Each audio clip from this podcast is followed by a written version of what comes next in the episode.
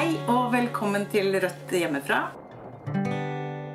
Hei, velkommen til Rødt hjemmefra. Jeg heter Silje Kjosbakken, er andre nestleder i Rødt og også programleder her i Rødt hjemmefra.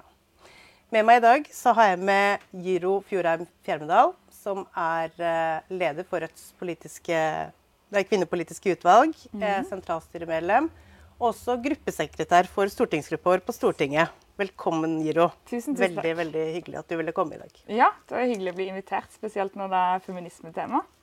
Det er nettopp det det skal handle om i dag. Det er feminisme. Men vi skal også innom det som eh, har skjedd i eh, Ukraina eh, i løpet av sendingen.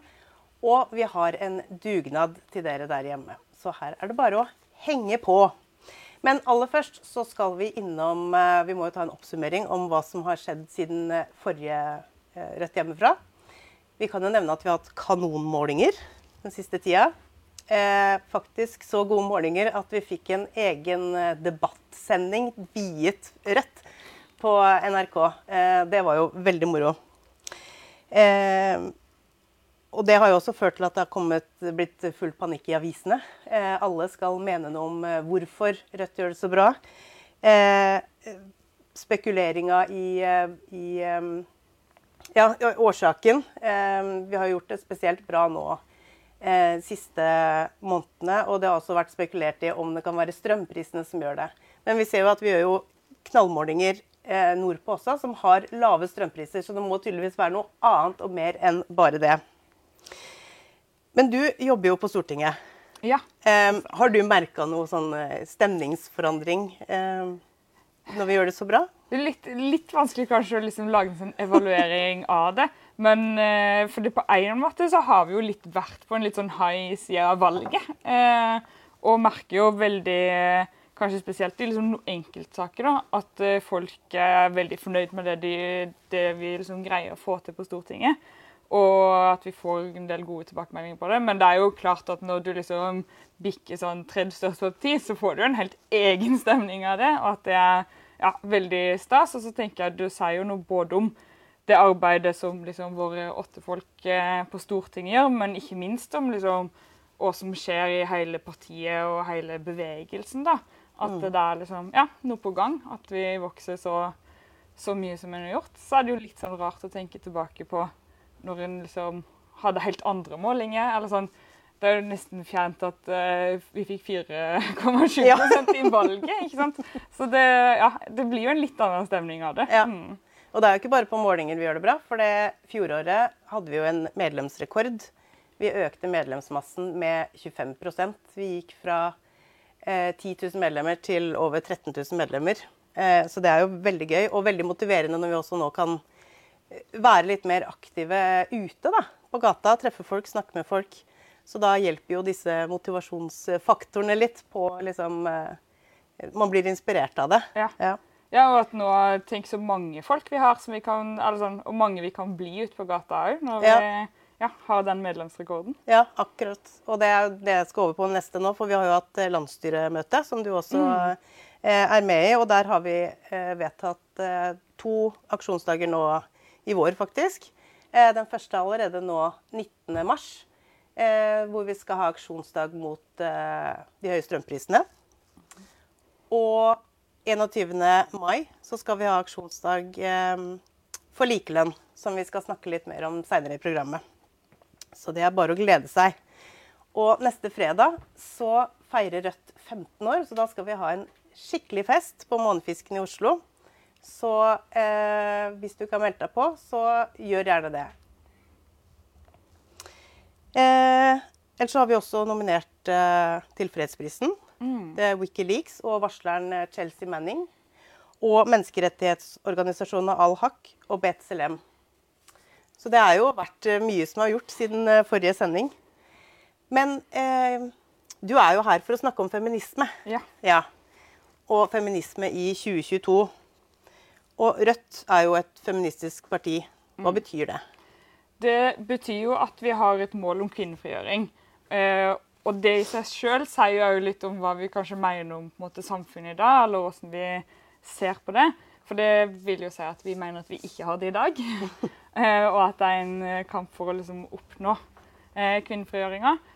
Og det betyr jo òg at vi ser at det er ulikhet i samfunnet som er basert på kjønn, og at vi kjemper mot det. Og ofte så tar jo det form i at en prioriterer liksom kvinnepolitiske saker. Det kan jo være mye forskjellig. Det kan jo f.eks. være likelønn, som du nevnte, som dere skal snakke mer om etterpå.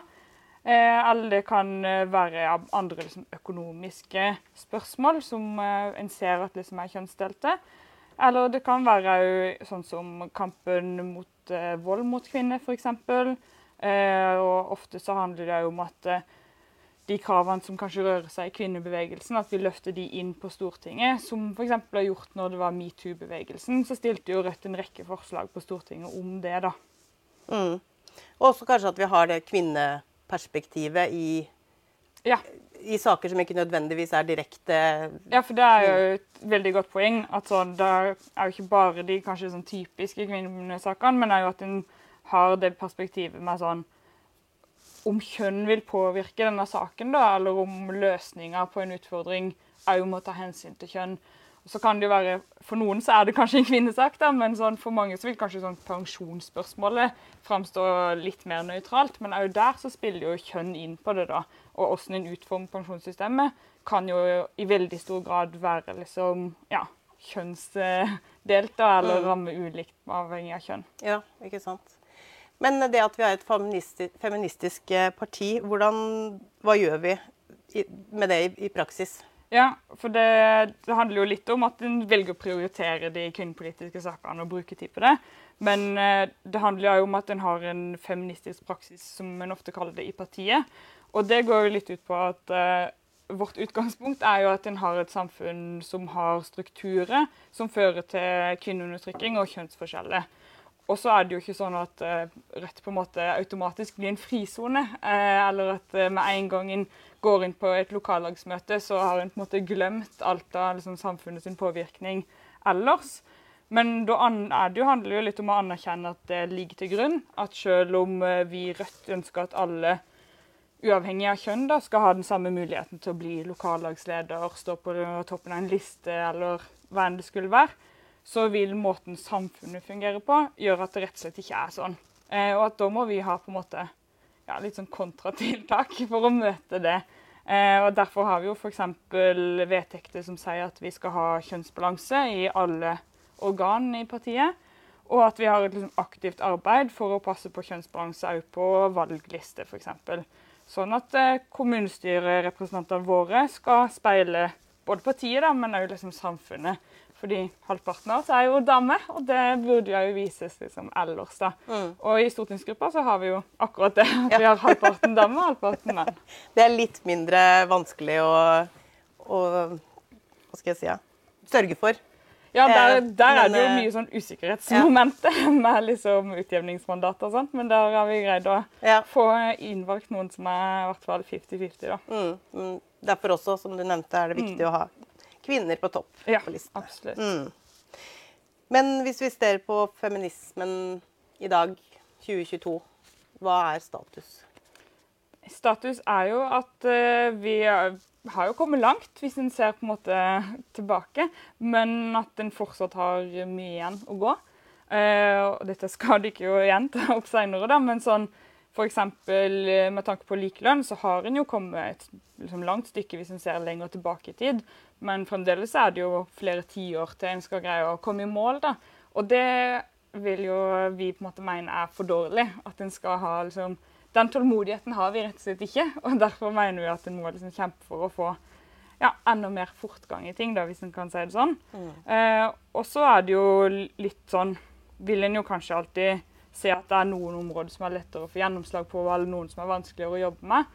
Men eh, sånn, nå som vi nærmer oss 8. mars, så er det jo bare egentlig å se litt sånn rundt på de ulike byene og parolene at eh, det er mye som gjenstår for å få det til. da. Mm. Og eh, selv om det en del tilfeller kanskje kan være likestilt i teori, så er det ikke alltid at det er det i praksis. Så det er jo litt sånn viktig å huske på at det er en forskjell på kanskje hva en eh, teknisk sett har rett på, og hva som faktisk er utfallet da, i ja, virkeligheten. Mm. Og så er det jo egentlig også en sånn konstant kamp for det vunne Altså abortloven, f.eks. Mm. Det er jo liksom vært en, noe som har vært kjempa fram eh, for kvinners rett til, egen, eh, til å bestemme over egen kropp. Og så ser man faktisk at det i liksom, ikke mange år siden ble innskrenka igjen. Og sånn er det jo kanskje flere steder i, i verden. Ja, og nå er vi jo i en tid der, der det på en måte kan se lovende ut for å få til en liksom bedre abortlov i Norge og få, faktisk få mer selvbestemmelse. Eh, siden vi nå bare har selvbestemmelse inntil et visst punkt. da.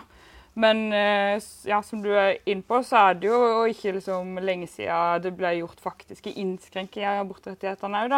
F.eks. at en liksom måtte gjennom nemnd, eller må da, gjennom nemnd Ja. hvis en eh, trenger fosterreduksjon. Eh, og for litt lenger tilbake siden så var jo KrF frampå med litt sånn Mente at en måtte ha refleksjonstid før en skulle få lov til å ta valget. da. Eh, som jo er i praksis er en måte å prøve å gjøre det vanskeligere å kunne bestemme over ja, sin, sitt liv og når en vil ha barn og når en ikke vil ha barn. da. Ja. Det mm, ja, viser at det fortsatt er kamper å, å kjempe. Ja. Altså. Mm. Og det er jo, ja, Du nevnte jo sånn utover i verden, så ser en jo kanskje spesielt det med sånn framgang og tilbakeslag. da, At eh, f.eks. stater i USA har jo vært oppe litt i media fordi en gjør det vanskeligere å få, få tatt abort, eller at du innskrenker retten til abort. da.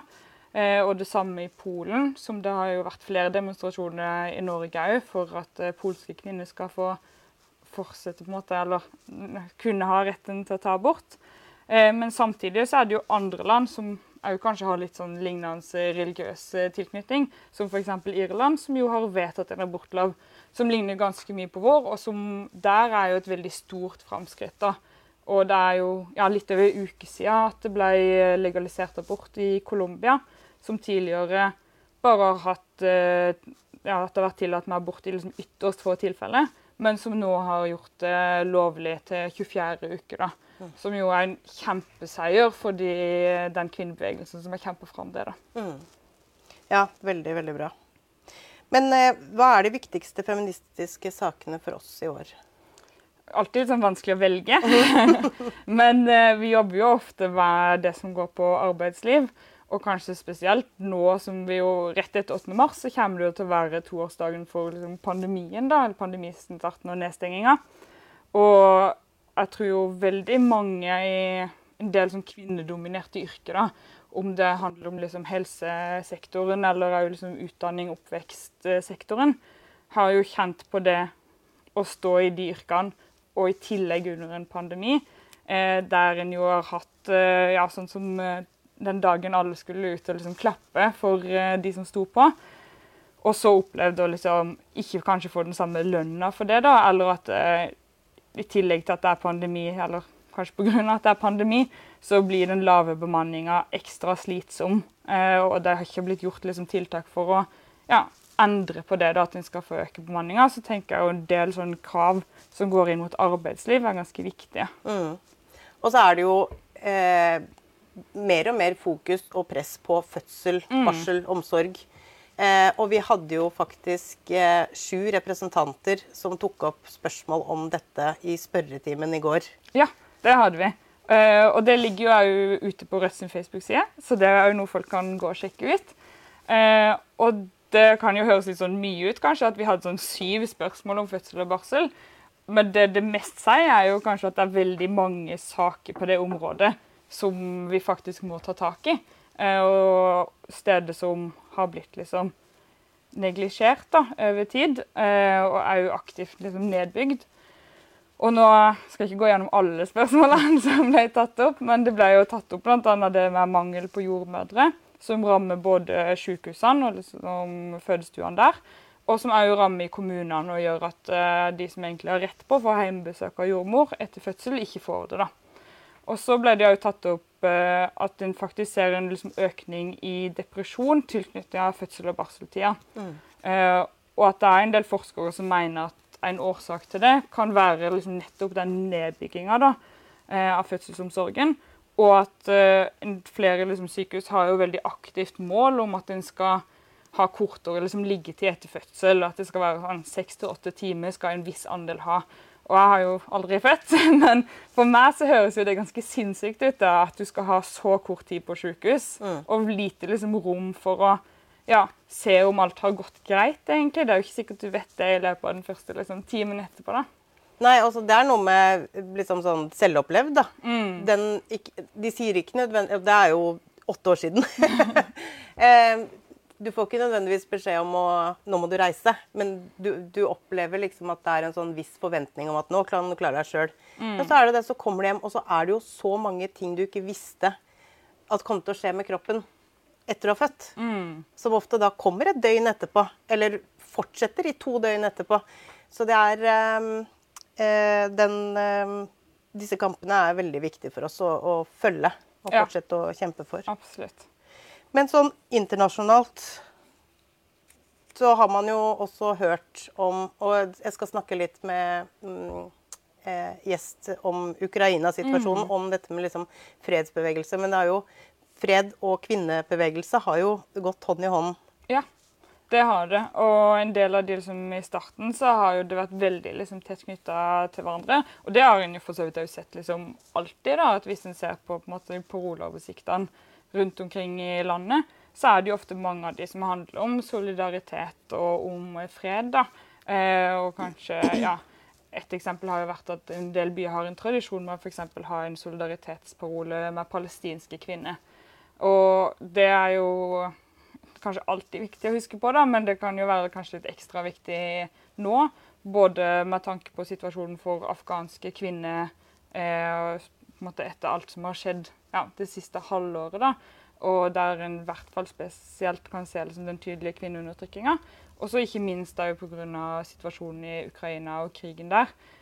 Og òg med det i bakhodet at uh, krig og konflikt uh, kan ramme kvinner spesielt. da. Og òg kvinner på flukt er jo ofte mer utsatt for f.eks. seksuelle overgrep. da. Som jeg tenker gjør det ja, ekstra viktig med det solidaritetsaspektet med 18. mars. Og spesielt nå hvor menn mellom er det, 18 og 50 blir holdt igjen i Ukraina, og nettopp kvinner og barn eh, ligger ut på, på flukt. Så det er viktig at vi eh, har øynene godt våkne eh, for akkurat det.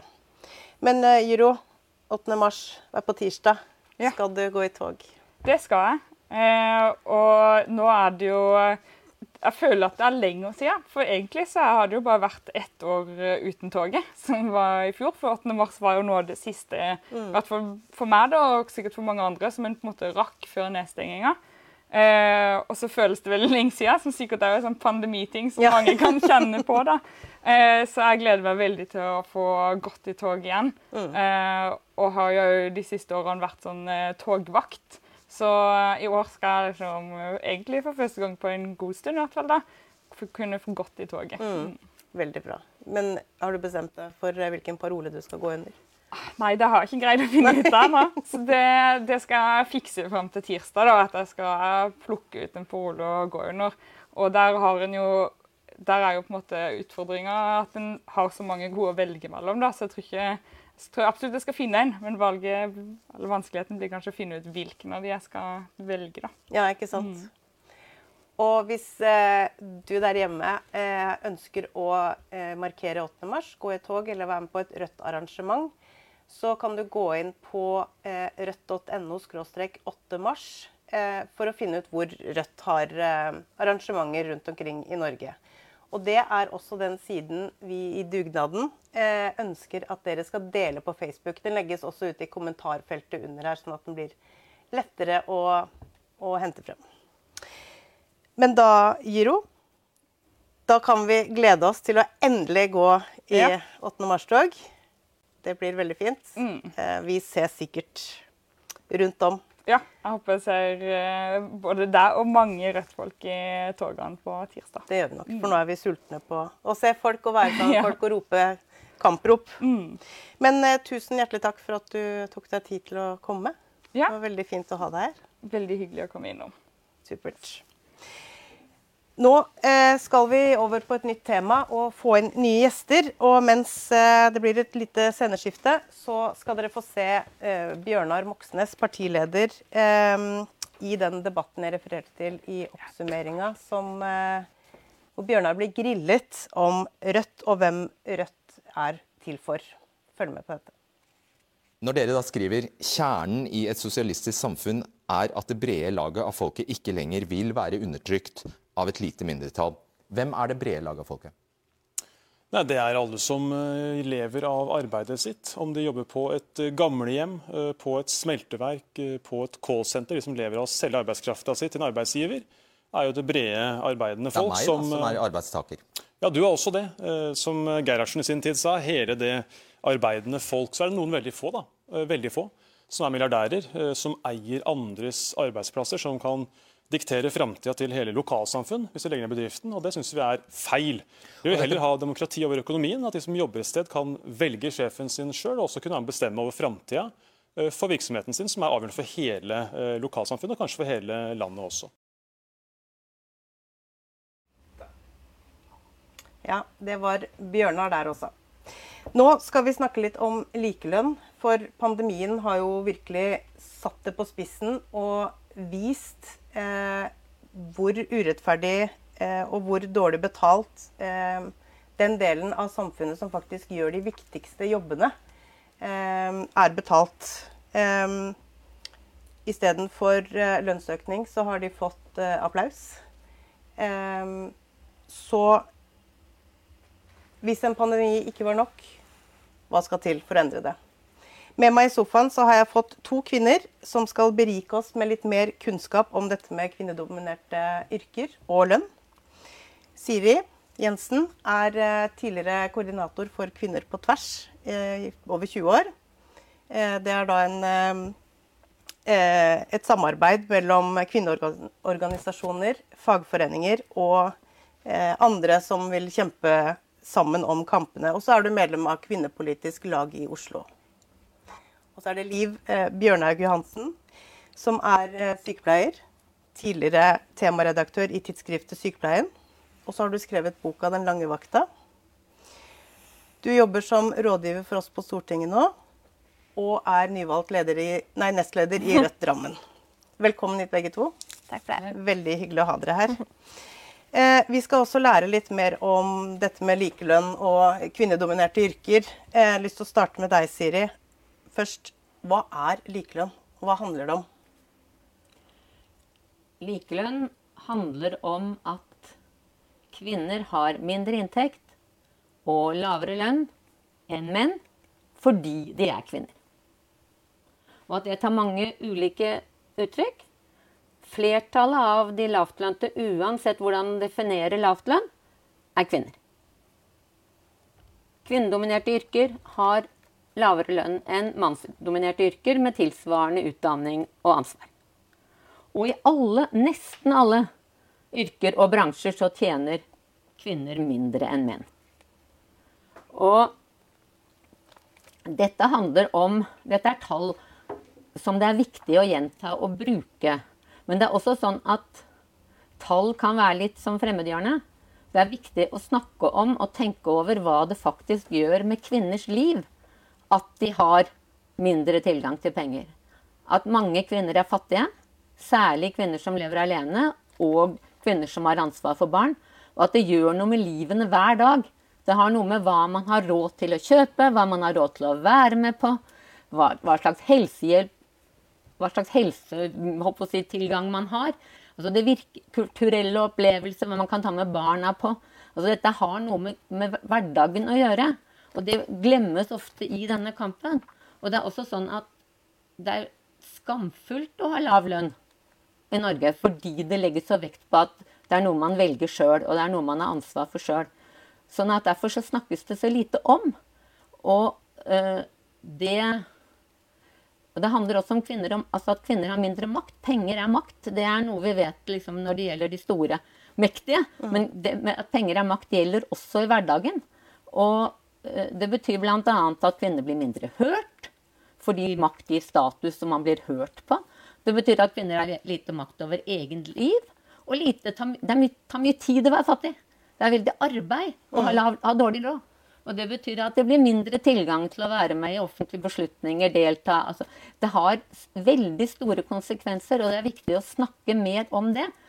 Og snu den skammen til forbannelse og utålmodighet dersom en skal skape en bevegelse for å få endret på dette. For det, det, det krever at kvinnene reiser seg, faktisk. Mm. Men dette kan jo du åpenbart mye om, eh, og har jo holdt eh, innledninger om det. Og jeg vet at du har en link til et eh, foredrag du har holdt om dette. Så for de som ønsker å fordype seg litt i det, kan følge med i kommentarfeltet under her, for da kommer Siri til å legge ut link til det litt senere. Men du har også tatt med deg noen tall som vi skal få opp på skjermen her. Og det viser ett tall for lønn og en annen for inntekt. Hva handler disse tallene om? Hva viser dem? Ja, altså det, det, tallet som oftest nå er i media, det er det nederste tallet. Altså at kvinner i snitt har 87,5% av menns lønn. Og det dreier seg om lønna du får utbetalt for det, altså for det lønna arbeidet du gjør. Og der er deltidsansatte med, men det er gjort om til heltid i regningen for at man skal bare fokusere på lønna. At den skal bli sammenlignbar.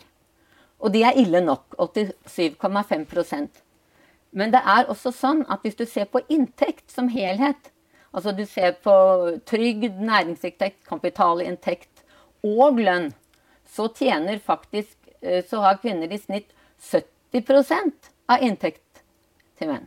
Og den forskjellen i 2019 eller 17 eller 19, nå husker jeg ikke akkurat, så utgjorde det 170 000 kroner i året.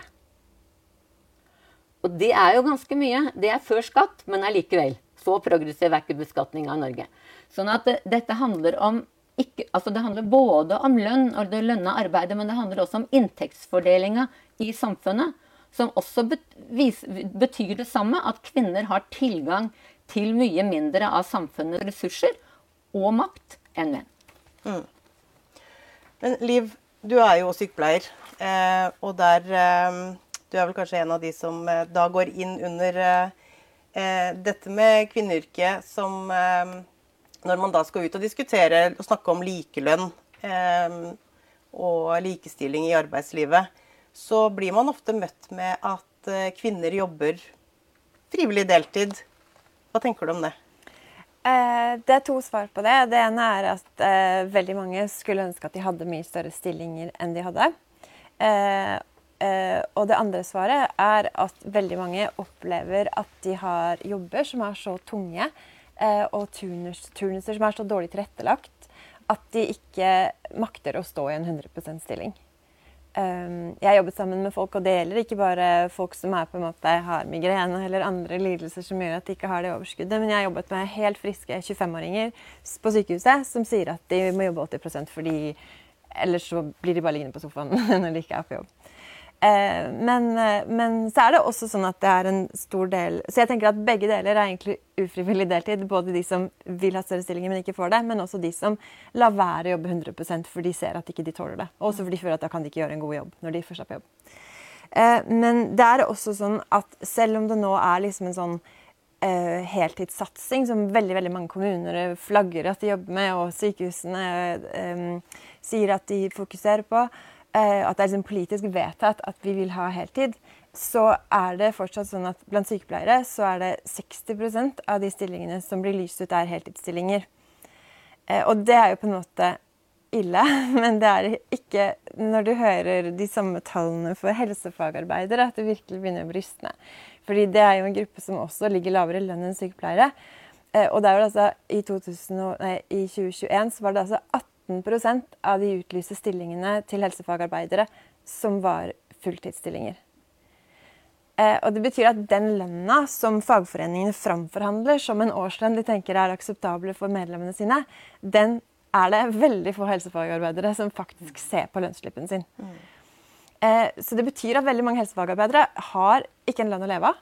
Og det betyr at de er bundet til å hele tiden jakte på ekstravakter. Vi vet at veldig mange har til og med to arbeidsplasser for å få en lønnsslipp som kan betale husleia, som kan betale nye joggesko til barna og de tingene du trenger for å leve. Eh, sånn at det, den um, deltidssituasjonen gjør at Det er som de tallene dine viser, da, at uh, det er en stor forskjell på inntekt og, og, og lønn. Eh, sånn at, uh, at det deltidsarbeidet må på en måte ses inn i kvinnelønna også. Og, ja, og jeg tenker at um, at vi må lage arbeidsplasser som det går an å jobbe 100 i. Jeg synes f.eks. nattevakter på, Det er nesten sånn sjokksregel at nattevakter aldri lyser ut som 100 stillinger. For det er liksom en bred enighet om at ingen kan jobbe 100% natt i helsevesenet. Men da tenker jeg at hvis det er en vedtatt sannhet, at det ikke er mulig å jobbe 35 timers uker på natt, da kan ikke en 100% stilling være 35 timer. Nei. Da må man endre stillingene sånn at det går an å stå i de da kan man på en måte begynne å snakke om Først når man er der, så kan man begynne å snakke om eh, frivillig og ufrivillig deltid. Mm. Men uh, den boka di, 'Den lange vakta', eh, har, den, har, du noen konklusjoner derfra eh, som du tar med deg inn i, i denne argumentasjonen om at kvinner ofte velger det sjøl og dette med ufrivillig deltid? Um, hva skal jeg si? Jeg syns jo det belastningssporet det var liksom to referenger som gikk inn. Jeg gjorde en del intervjuer. Dette er en bok som da handler om sykepleiere og helsepersonell under koronaen. Ja, sykepleie er kanskje det som er hovedfokuset mitt. men jeg har gjort intervjuer også med en helsefagarbeider, og alle intervjuene jeg gjorde, så var det sånn to referenger som gikk igjen. da. Og det ene, det var Jeg var sliten før dette starta. Det var det veldig mange som sa. Mm. Eh, og det andre var det herre Vi sitter igjen med ingenting. At de følte at Eh, ja, at de allerede var, var veldig stramt. Da. Det de hadde, det arbeidet deres var allerede Det var kuttet i stillinger, og man, hadde, man har altfor mye å gjøre hele tiden. Og så kommer den koronaen på toppen og fører med seg en masse ekstra belastninger. Og for en masse folk var det også mange som ble flytta på fra en tid til en annen, fikk helt nye arbeidsoppgaver osv. Men allikevel opplevde at uh, det syntes liksom ikke på lønnsslippen i det hele tatt. da. Um, ja.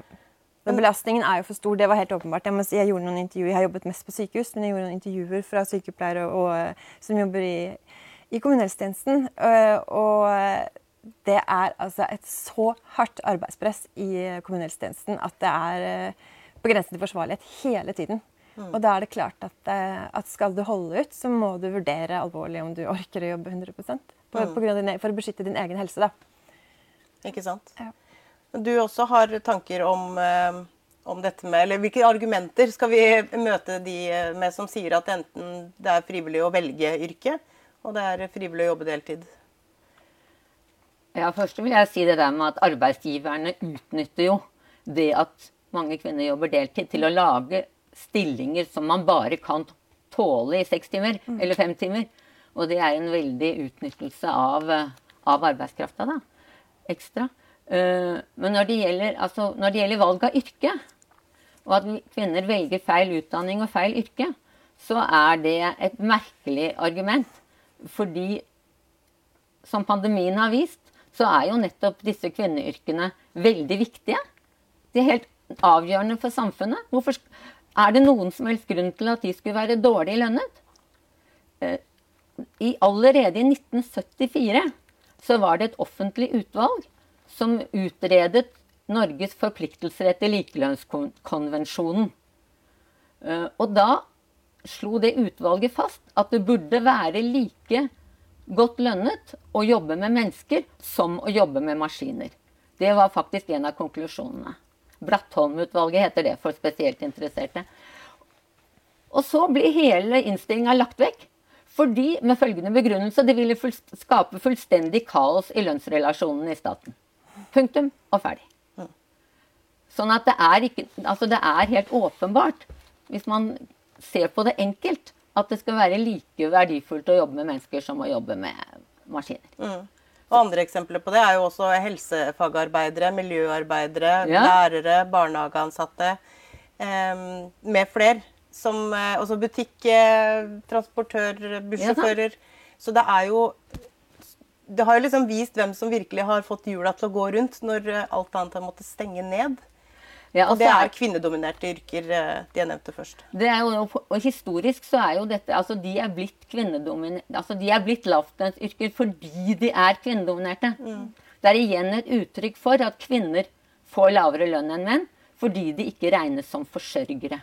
Fordi eh, eh, selv om veldig mange kvinner de aller flere, veldig mange kvinner jobber fulltid. Og veldig mange kvinner jobber lønna, i lønna arbeid.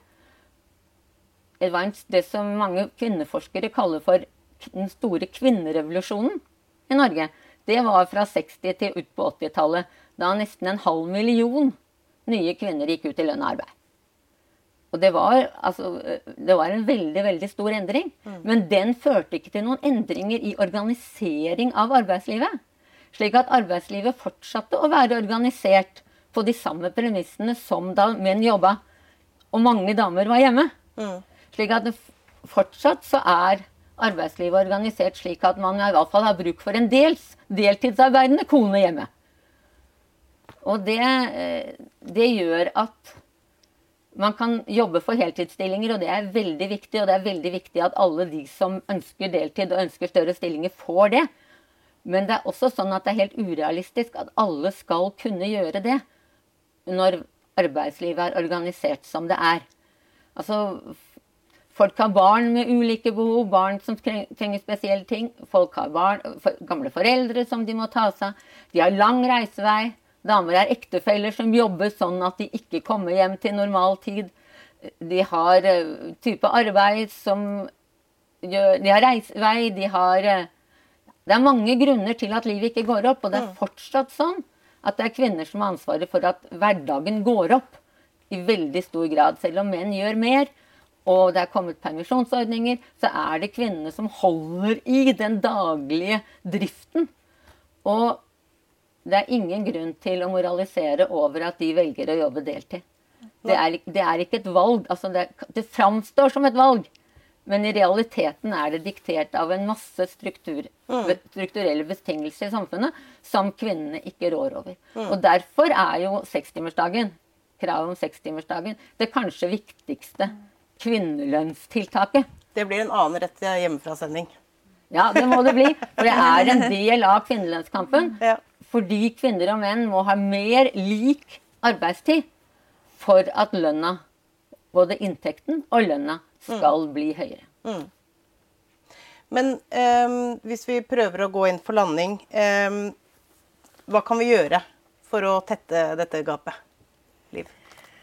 Um, mange sykepleiere hadde veldig store forventninger til eh, lønnsoppgjøret i 2020. Da hadde koronaen liksom eh, eh, Plutselig hadde vi masse media.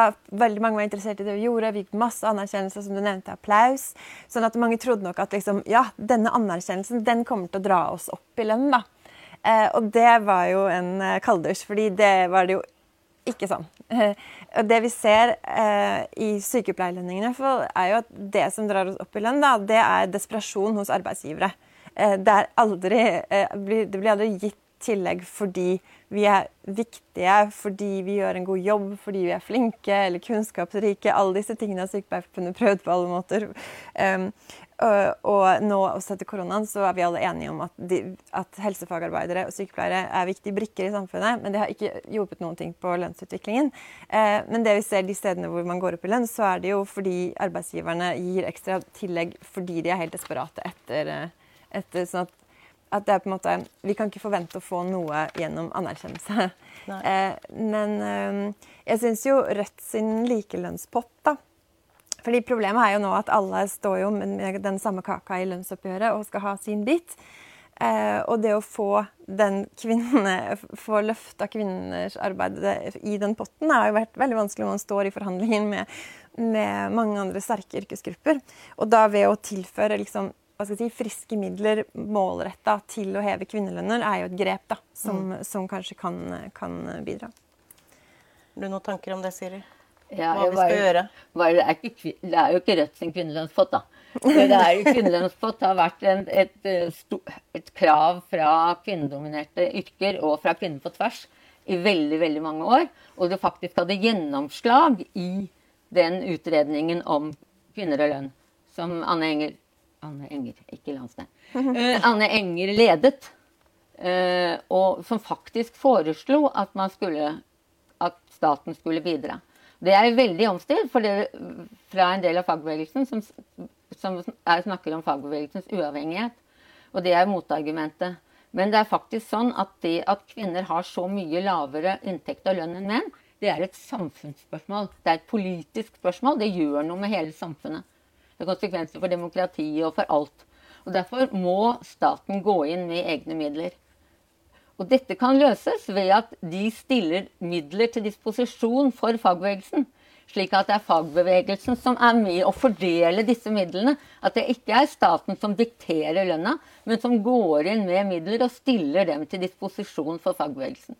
Da beholder man fagbevegelsens uavhengighet, samtidig som man anerkjenner at det er et politisk spørsmål. Og den type samarbeid har skjedd mange andre ganger. Bl.a. samarbeid om å holde lønna nede. Sånn at det, det er ikke noe godt argument. Det er helt åpenbart at det må egne midler til for å heve kvinners lønn. Og det gjelder både for å heve kvinnedominerte yrker i forhold til mannsdominerte yrker, og for å heve de lavtlønte, sånn at alle kvinner har en lønn å leve av. Så det er et viktig tiltak. Men for å komme dit, fordi den forrige forslaget ble parkert, så er det nødvendig å snakke mer om lønna, diskutere det mer, Ta det opp i Rødt Lag, i fagbevegelsen, i kvinnebevegelsen. Jobbe med kvinner på tvers, sånn at kvinner i forskjellige yrker og bransjer blir kjent med hverandres lønn. Og at menn og kvinner blir kjent med lønnssystemer og alt dette som gjør det vanskelig å samarbeide. Noen enkle felles krav som ikke splitter etter hvilken fagforening du er i, hvilken hovedsammenslutning som du er i. Det er en mer sånn samfunnsmessig massebevegelse som trengs. Som, som, er på tvers av alt for å få dette til. Det er en svær oppgave, men det er bare Rødt som kan liksom spille en av partiene som vil være med i dette. Men dette er jo en massebevegelse med, med, med sånn fagbevegelse, kvinnebevegelse, andre typer organisasjoner. Men Rødt har en viktig rolle å spille der. Mm. Ikke sant. Det er jo ingen tvil om at dere er engasjerte begge to, så jeg regner med at dere er å finne i et 8. mars-tog på tirsdag. Skal ja. du gå, Liv? Ja da, jeg tenkte jeg skulle gå 8. mars-tog i Drammen. Um, jeg har uh, tenkt å gå under Jeg har ikke helt bestemt meg ennå, men enten tror jeg går under forskning på kvinnehelse. For det er et stort samfunnsproblem. Mange kvinner går med store smerter og lidelser altfor lenge pga. treg eh, utredning og diagnostisering. Pga. for litt kunnskap. Eh, eller så blir det kanskje eh, samtykkelov, siden kvinners rettssikkerhet må styrkes ved seksuelle overgrep. Mm. Og du? Jeg vil bare kommentere akkurat på det med helse. For det er faktisk Undersøkelsen jo viser sammenheng mellom økonomi og helse. Slik at den lave lønna slår ut i kvinners helse. Mm. Nei, jeg har ikke helt bestemt meg, jeg heller. Men hvis jeg skulle lage min egen parole, som ikke er i toget, så ville den handle om at kvinner Altså at, at vi må støtte kvinner som slåss. Det er vel og bra med sånn felles eh, krav, og at alle må med, og at vi skal ha, en, ha slått som en felles pott. Men det er ved nesten alle, eller veldig mange av de siste tariffoppgjørene så er det noen grupper, det kan være en gruppe i Fagforbundet, det kan være Sykepleierforbundet, som faktisk går til kamp. Som streiker for å få høyere lønn. Mm. Og da er det veldig viktig at Rødt jobber for at disse får støtte og at de får støtte selv om folk er i organisasjoner som har godtatt det samme resultatet som noen andre streiker for. Det er det aller viktigste i vårens tariffoppgjør. Mm. Det var eh, ønskeparolen. Veldig bra. Tusen hjertelig takk for at dere kom begge to, eh, Siri og Liv.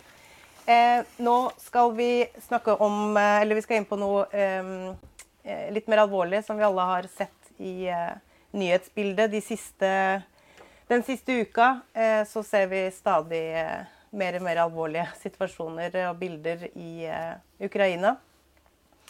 Jeg har i den forbindelse tatt en prat med Marie Sørhaug, som er leder for Rødts internasjonale utvalg. Og også sentralstyremedlem i Rødt. Se på dette. Hei, Marie. Hei, Silje. Tusen takk for at du tok deg tid til å ha en liten samtale om eh, det som skjer i Ukraina i disse dager. Absolutt. Det skulle bare mangle med det vi står midt oppi nå. Veldig bra.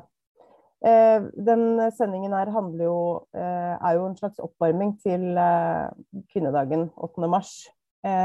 Men Eh, du må fortelle oss litt om eh, den aller første 8. mars-feiringa som ble Eller dagen som ble markert Eh, for det var jo faktisk en fredsdemonstrasjon. Mm. Ja, det tenker jeg med eh, krigen som er nå, at det kan være fint å liksom minne seg litt på da, at den første 8. mars-markeringa, som ble arrangert i 1915, var det vel, eh, var jo et fredsmøte, et fredsmøtedemonstrasjon, da, om du kan si det på den eh, måten. Eh, Riktignok ble det arrangert 7. mars og ikke 8. Det var jo først år senere at man bestemte seg for at 8. mars skulle være liksom den eh, offisielle dagen. Men i hvert fall den 7. mars 1915 så arrangerte man det som blir liksom regna som den første 8. mars-markeringa i Norge. Eh, og det var vel rundt 1000 sånn personer som deltok i Oslo. Eh, og opprinnelig så hadde man det var vel hovedkravet for dagen stemmerett. Eh, men med den situasjonen som var, så bestemte man seg for å gjøre det om til en mer sånn fredsdemonstrasjonsdag, da. Um, og ja, det var paroler uh, mot krig, for fred, mot uh, ja, eller rett og slett for å legge ned våpnene uh, og sånt som var dagen, da, dagens krav da. så vi ser jo på en måte at ja, både kvinnebevegelsen og fredsbevegelsen har eh, lange tradisjoner der, da. Mm. Mm. Det er veldig interessant å se eh, også andre bevegelser som eh, har eh, kan gjerne ha hvert sitt mål, men de finner hverandre i både styrke og delmål på veien eh, de vil. Så det er veldig fint å se bevegelser som ja, finner hverandre og, og uh, finner styrke i hverandre. Mm. Men uh, Rødt er jo et fredsparti. Hvordan tenker du at det viser seg? tenker jeg Det er mange måter det viser seg på det. Eh, vi er jo et parti som har vært konsekvent mot all angrepskrig. Så selvsagt ser vi også mot Russland sitt angrep på eh, Ukraina nå. Um, det er jo det eh, første. Eh, og selv om uh, vi er et fredsparti, så er vi på en måte ingen måte nøytral. Altså, vi støtter jo uh, Ukraina, står i solidariteten med dem, har fordømt angrepet fra dag én og på en måte har uh, kommet med en del forslag. Men jeg tenker at liksom, det grunnleggende prinsippet er f.eks. at vi vil at Forsvaret skal brukes til forsvar av Norges grenser. at det som er på en måte målet med det norske eh, forsvaret. At det f.eks. ikke skal brukes til eh, kriger i eh, utenfor eh, Norge, til angrepskrig. Så på en måte, Det er litt sånn premisset vi kommer ifra. Eh, og da tenker jeg at som et fredsparti i en situasjon her, så er det viktig å tenke på at målet må være deeskalering. Ikke at vi skal være med å liksom, uh, hausse opp krigen. Eh, samtidig som vi selvsagt skal støtte eh, Ukraina i det som skjer nå. Mm. Um, men vi sa jo tidligere denne uken uh, nei til uh, våpeneksport. Hvorfor det? Mm. Eh, det er det mange grunner til. for det første så tenker jeg at Norge har jo hatt regler om at man ikke skal eksportere eh, våpen eh, til parter som er i krig. Eh, og så jeg tenker liksom, Det første er litt sånn føre var, at plutselig så skal man bryte med det som har vært i så mange år. Så plutselig at det er liksom lurt å tenke seg eh, nøye om før man eventuelt gjør det. Og det er liksom, det er ikke så fort ikke sant, eh, i hele de beslutningene eh, som kan skje. Eh, og Cecilie Hellesvedt har allerede snakka om det, så skal ikke gjenta alt det hun har sagt. Men eksempel, det er jo en viss fare for at Russland kan anse Norge som en medkriger i konflikten ved å sendt våpen til Ukraina. og da igjen gjør vi oss sjøl mer sårbare for angrep. Og som vi jo alle vet, så har jo vi også ei grense mot Russland eh, i, ny, i, nord. Eh, og så vet vi jo ikke hvor det her skal ende heller, ikke sant. Eh, F.eks. vi er jo for at vi kan sende eh, hjelmer, soveposer og sånn beskyttelsestype utstyr, eh, B-materiell. Eh, men f.eks. Hvis, hvis det, noen, det kommer i feil hender, da, så er det sånn OK, noen fikk en uh, varm sovepose den natta. Liksom. Det, måte, det, kan ikke skje så mye skade, men hvis uh, våpnene man sender, kommer uh, i feil hender, så vet jo ikke vi hvordan denne krigen skal utvikle seg eh, fremover, og hvor det vil eh, ende hen. Um, så jeg tenker at det er på en måte noen av grunnene til uh, hvorfor vi er mot det, da. Mm. Mm.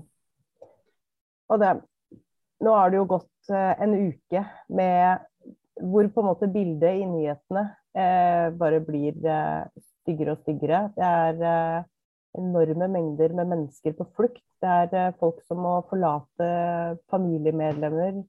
Eh, eiendeler. Eh, de går flere mil for å komme over til et land som eh, ikke blir eh, angrepet. og det er veldig vanskelig å bare sitte og, og, se på det her uten å føle at man på en måte kan hjelpe. Da. For det er, jo det er nært, men likevel litt fjernt. Nå kommer riktignok eh, flyktninger til Norge også, men det er likevel veldig mange som lider. og Eh, er igjen i eh, landet sitt for å kjempe, eh, kjempe for det. Men hva kan vi gjøre her hjemme for å vise solidaritet? Mm. Jeg tenker det er mange ulike liksom, nivåer man kan gjøre det. På et mer sånt medmenneskelig nivå så kan man jo eh, Hvis det er noen i liksom, sin omgangskrets som er berørt, strekke ut en ekstra hånd og eh, høre hvordan det går, og liksom sjekke inn med menneskene eh, i livet sitt på det, som en sånn uh, medmenneskelig ting i sitt uh, miljø. man kan jo, hvis man vil, donere til noen av de nødhjelpsorganisasjonene som er til stede med humanitær hjelp og nødhjelp. Og så tenker jeg også at man lokalt, rødt rundt omkring i landet, har en stor rolle med å være med å lage demonstrasjoner. Da. Og det vet jeg jo at det er veldig mange eh, lokallag rundt omkring i Norge som har liksom vært pådriverne for eh, lokale demonstrasjoner mot krigen. Eh, det er jo veldig bra. Eh, og så på en måte litt sånn på toppnivå da, så har jo Rødt kommet med en del eh, forslag allerede. Du var jo allerede inne på det med flyktninger. Eh, det har vi jo vi, eller Tobias i går vel, Stortinget foreslått at man skal ha at ukrainerne skal ha rett på kollektiv beskyttelse, sånn at det skal bli liksom lett og raskt å komme seg eh, til Norge. Eh, og at måte, vi må presse regjeringa på å legge frem en plan for at liksom, kommunene skal bli i stand da, til å ta imot flyktningene. tenker jeg liksom, Det er én ting. Eh, men så også, har vi også hatt en del eh, forslag som har gått mer på sånn økonomiske sanksjoner mot rett og slett de russiske elitene. Putin sine venner rundt, de oligarkene, eh, på å presse dem, sånn at man skal tvinge gjennom endring på den måten. Eh, vi vil ha det oligarkene ut av norsk olje og gass, f.eks. Så ja, på en måte andre, andre virkemidler da, som vi har også har eh, fremma. Mm. Mm. Ja. Um, en annen ting jeg har lyst til å nevne, er jo det med altså, Det er jo ikke sånn at uh, russerne uh, sitter uh, hjemme i stua si og heier på det Putin har gjort nå, og fortsatt holder på med. Vi ser derimot at veldig mange går ut i gatene. Vil du fortelle mm. noe om disse demonstrasjonene som foregår der borte? Mm. Ja, vi har jo sett det at det er i veldig mange byer over hele Russland Jeg tror liksom tallene det er litt vanskelig også å tallfeste, fordi russiske regimet har jo ikke noe interesse av at det her skal komme ut. ikke sant? Så Det, all, liksom, det gjør jo også situasjonen noen ganger litt vanskelig å følge med, fordi man, det er ikke alltid man har uavhengig eh, og fri presse, som gjør at det er litt vanskelig å vite hva som skjer. Men det vi har sett, er jo at det har vært mange demonstrasjoner rundt omkring i Russland, og at det også har allerede fått store konsekvenser for dem som har vært med. da. Eh, jeg tror jeg har sett noe tall på rundt at 7000 eh, demonstranter allerede har blitt eh, eh arrestert. Eh, og ja. Eh, ikke sant. Så det er på en måte Jeg er jo veldig liksom, jeg er veldig sånn blir også inspirert, da. fordi du måte du risikerer så mye for å gå ut og demonstrere. Mens her er måte sånn tenker vi på det så selvsagt å gå ut og demonstrere, mens de har en helt annen realitet eh, når det kommer til faktisk ja, demonstrere mot krigen, rett og slett. Mm. Mm. Og det, det, er jo For det vi får høre, er jo at uh, det russiske regimet uh, knebler uh, medias, medienes rett til å liksom vise Eller de har ikke noe rett til å vise hva som faktisk skjer i Ukraina. Det er jo tydelig kontrollert. Mm. Men det som skremmer meg også, er denne nye loven som ser ut til å bli foreslått i Russland. Ja, jeg så kjapt om det i Klassekampen eh, i det dag, og der var det vel et lovforslag nå som er eh, til behandling i Russland om at man kan risikere opp mot 15 års fengsel mot å liksom, det spre falsk informasjon om krigen i Ukraina. Og det er jo på en måte en sånn type lov som kan bli misbrukt på så mange måter. da. Uh, alt. Så det er jo på en måte kan jo brukes til mye. Så det er jo Det sier jo litt om uh, situasjonen for pressefrihet og, sånt mm. i Ukraina, rett og slett. Nei, unnskyld, i Russland, åpenbart. Ja. Russland. Uh, ja, om kårene for ytringsfrihet og demonstrasjonsfrihet og i det hele tatt. Mm. Ja, da er det jo eh, eh, ledelsen i landet som sitter med definisjonsmakta. Eh, så det eh, høres veldig skummelt ut. Mm. Men eh, eh, vi er nesten nødt til å avslutte, Marie. men siden du dette er en sending som i utgangspunktet er en oppvarming til 8. mars, så lurer jeg på om du skal gå i tog på tirsdag? Selvfølgelig skal jeg det. Det er jo en av mine toppdager i året, 8. mars. Ja, det er godt å høre. Hvilken parole tenker du Hvilken parole finner vi deg bak? Jeg tenker jo kanskje at en parole som eh, bør samle mange i toget i år, er en parole som nettopp går på fred. da. Inspirert av det første 8. mars-toget eh, i eller 8. mars-markeringa i Norge. At vi burde få en god fredsparole som forhåpentligvis eh, samler mange. Mm. Mm. Veldig bra. Men takk igjen for at du tok deg tid til å være med på Rødt hjemmefra. Og så ses vi, om ikke før, på 8. mars i hvert fall. Det gjør vi, vet du. Ha det. Ha det bra.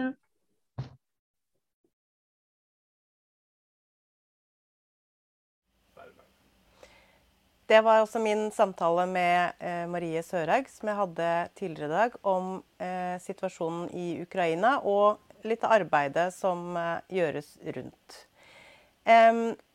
Som, som, nevnt i, er jo dette en eh, oppvarming til 8. mars, som er på tirsdag. Har du enda ikke bestemt deg for eh, hvilket arrangement du skal delta på, eller om det er arrangement i nærheten av der du bor, så kan du gå inn på rødt.no 8 mars eh, for å se om det er rødt arrangement i nærheten av der du bor. Ellers så vil jeg da ønske alle en riktig fin 8. mars, god kampdag. Eh, og takke for at dere var med i denne sendingen. Neste sending, Rødt hjemmefra-sending, er 28. april og skal da være en oppvarming til 1. mai ønsker å takke for følget, og takk for nå. Ta vare.